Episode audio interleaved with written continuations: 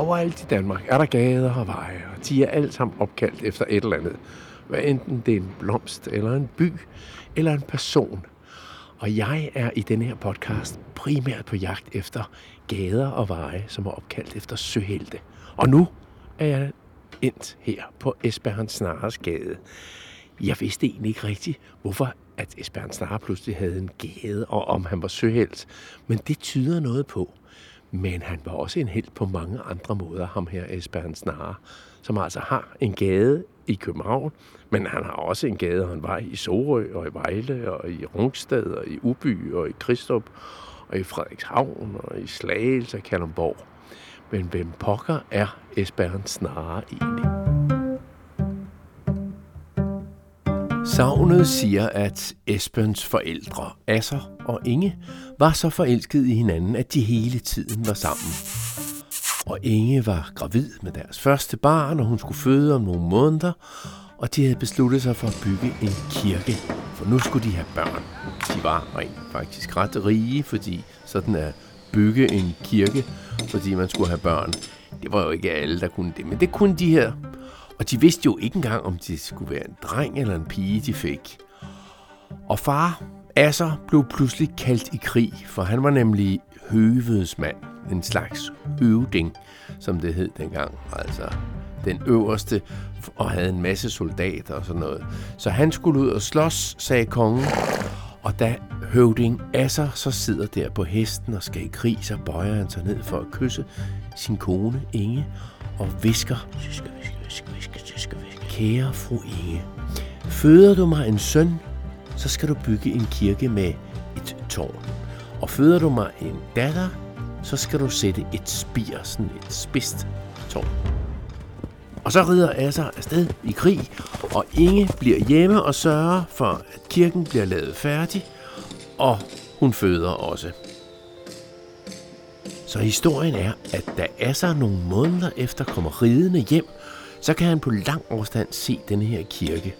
Og han kan se, at Inger har født. For kirken har fået ikke ét tårn, men to tårne. Uden spir. Altså, hun har født to drenge. Og de to drenge, det er dem, du skal høre meget om nu.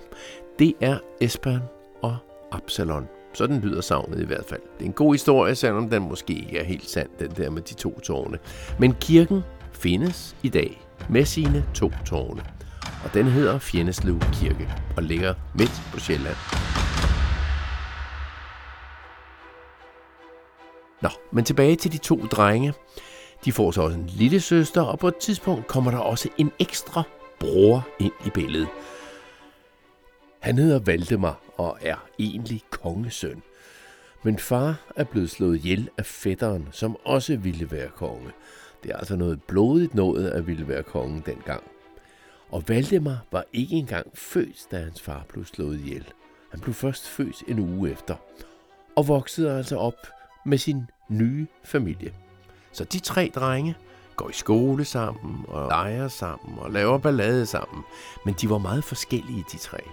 Valdemar, som var den yngste, han ville godt være konge og bestemme ligesom sin far, selvom far jo lige var blevet slået ihjel. Absalon, han var god i skole og god til fremmedsprog og sådan noget, så han ville lære alt om verden og ud at rejse. Esbern, han ville bare gerne være hjemme på gården og passe dyrene og lege og slås, og han var ikke særlig god i skole. Men de tre drenge, de var gode sammen, og de voksede op sammen, og så blev de til unge mænd. Da Valdemar, den yngste, var 15 år, så finder han ud af sammen med sin storebror Esben, at de skal ud på en uhyggelig og farlig mission. De skal nemlig have fat i skelettet efter Valdemars døde far.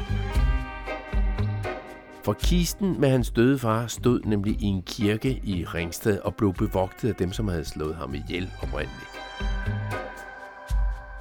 Så sammen med en fætter, så sniger drengene sig ind i kirken, samler knoglerne sammen, smugler den ud af kirken og får bragt den hjem. Og hjemme lægger de så knoglerne i et helligt skrin, en meget fin kasse, så på den måde får Valdemar begravet sin far på en ordentlig måde. Esbern var en af de tre brødre, som var mest dristig. Det er nok ham, der har stået bag det hele. Han turde nemlig gøre ting, som de andre ikke turde. Han var det, som man i gamle dage kaldte snarrådig. Han var god til at finde på råd, og han var hurtig til at handle, så snart det var muligt. Snarrådig. Og derfor fik han tilnavnet Snare. Og det blev så efterhånden også hans rigtige navn, Esbern Snare. Da de tre brødre bliver voksne, så er Esbern snarere blevet den modige soldat. Absalon er lidt mere sådan kirkens mand. Han har været nede i Paris i Frankrig og blevet uddannet til katolsk præst. Og Valdemar, den yngste, ja, han vil bare være konge af Danmark. De to brødre vil godt hjælpe deres lillebror Valdemar til at blive konge, men der er altså lige det problem, at der også er to andre, som godt vil være konge, nemlig Valdemars fætter, Svend, og hans grandfætter, Knud. De tre skal finde ud af det sammen, helst stille og roligt. De deler kongeriget i tre stykker. Svend får Sydsverige, det var nemlig også dansk dengang. Skåne hedder det. Knud, han får Jylland, og Valdemar får så Sjælland og øerne. De deler Danmark, ligesom man deler en kage i tre dele. Og for at fejre den aftale og den kagedeling, så skal de mødes til en fest i Roskilde. Et gilde, som det hed i gamle dage. Et ædegilde, hvor man spiser, og et drikkegilde, hvor man drikker, og man hører levende musik, og man bliver gode venner. Det lyder som starten på Roskilde Festival, men det er det altså ikke. Men festen kommer til at blive næsten lige så kendt. Den får nemlig et tilnavn, som folk bagefter kan huske i mange hundrede år, nemlig blodgildet i Roskilde i 1157. I kan godt høre, det her det bliver lidt uhyggeligt nu. Fordi det var nemlig ikke alle tre, der var tilfredse med det stykke kage eller det stykke Danmark, som de havde fået. Festens midtpunkt er de her tre, som skulle dele det hele. Svend, Knud og Valdemar. Valdemar tager sin bror Absalon med, men Svend, han har taget en masse af sine skumle venner med og de har alle sammen svær. Hvorfor nu det, spørger Valdemar. Det er jo en fest.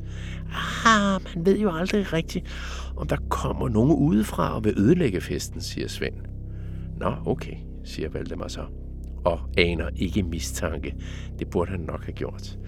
Da de er færdige med at spise, kommer der musik, og i skæret fra stearinlyset i Kongsgården kunne det her godt være hyggeligt. Men det er altså også lidt mørkt og lidt uhyggeligt. Over hjørnet står Svend og visker med sine skumle venner. Han har nemlig aftalt med sine soldater, om lidt, når jeg går ud af festsalen, så skal I overfalde de to andre og slå dem ihjel. Så jeg kan blive konge over hele Danmark, helt alene. Svend går ud.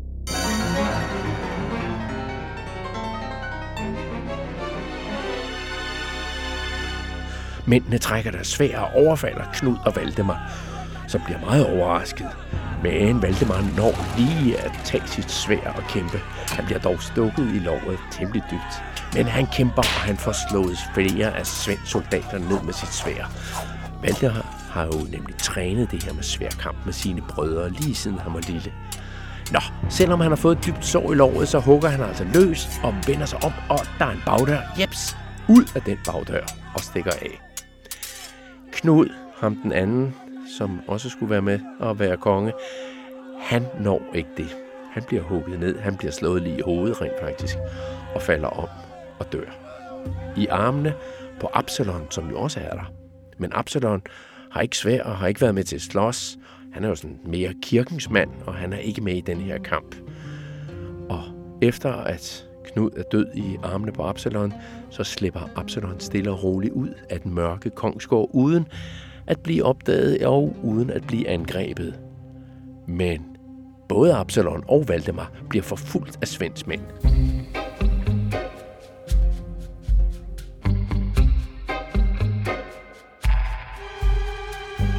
Men udenfor, der skal deres bror Esben snarere nok komme dem til hjælp.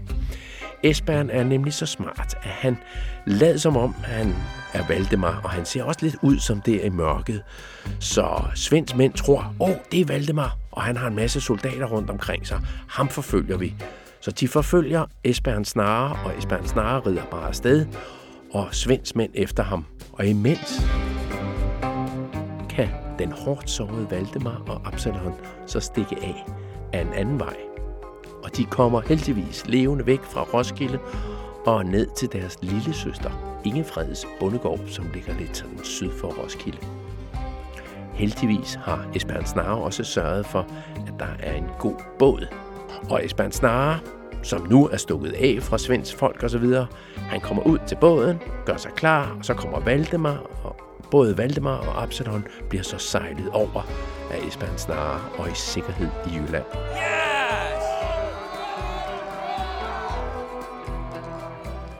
Ham der, den onde Svend og hans folk, vil godt forfølge dem helt ud på havet, så de har sådan set gjort deres både klar. Men brødrenes mor, Inge, og lillesøsteren har overtalt bønderne omkring Roskilde Fjord til at hjælpe med at slå hul i bunden på Svends skibe og både.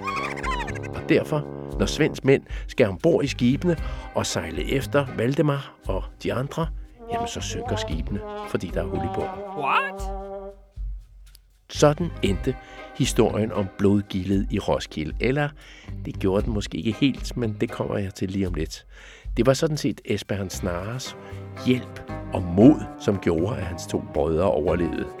Hans to brødre, den kommende kong Valdemar og den kommende biskop Absalon. Ham, som i øvrigt grundlagde i København. Nå, et par måneder efter blodgildet i Roskilde var Valdemar klar igen. Hans sår i låret var lægt, altså det vil sige, at han kunne gå igen, og han kunne løbe, og han kunne kæmpe. Og sammen med sine to brødre, altså Absalon og Esbern, så fik han samlet en hær over Jylland.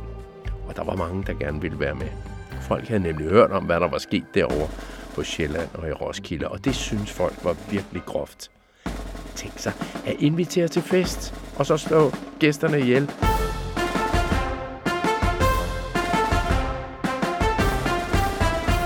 Og slaget mellem Svend og Valdemar kom så til at stå på en hede i Jylland.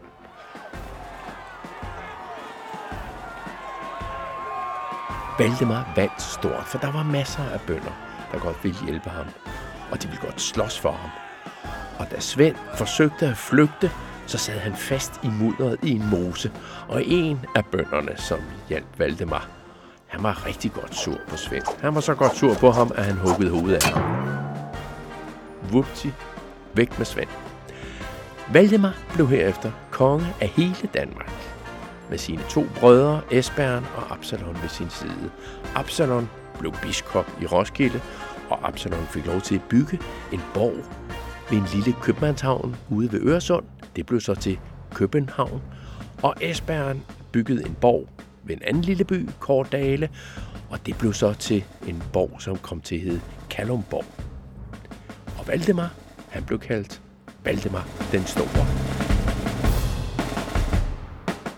Tilbage på Esbern Snaresgade, her i København, hvor jeg står. En brostensgade, en forholdsvis stille og rolig gade med fem etagers bygninger, ligger på Vesterbro, ikke så langt fra hovedbanegården. I næste afsnit af Esbern Snaresgade skal du få at vide, hvordan han var som søhelt. Fordi det her handlede jo mest om, hvordan han klarede sig på land og hjalp sine brødre. Men han var også en søhelt og han har sågar fået opkaldt et skib efter sig, som lige for øjeblikket sejler rundt nede omkring Afrika og jagter sørøvere. Det skal du nok få lov til at høre alt om i den næste podcast, som hedder Sørøvernes Skræk. Du kan bare finde den der, hvor du også har fundet denne her. På genhør. Jeg hedder Claus Vitus.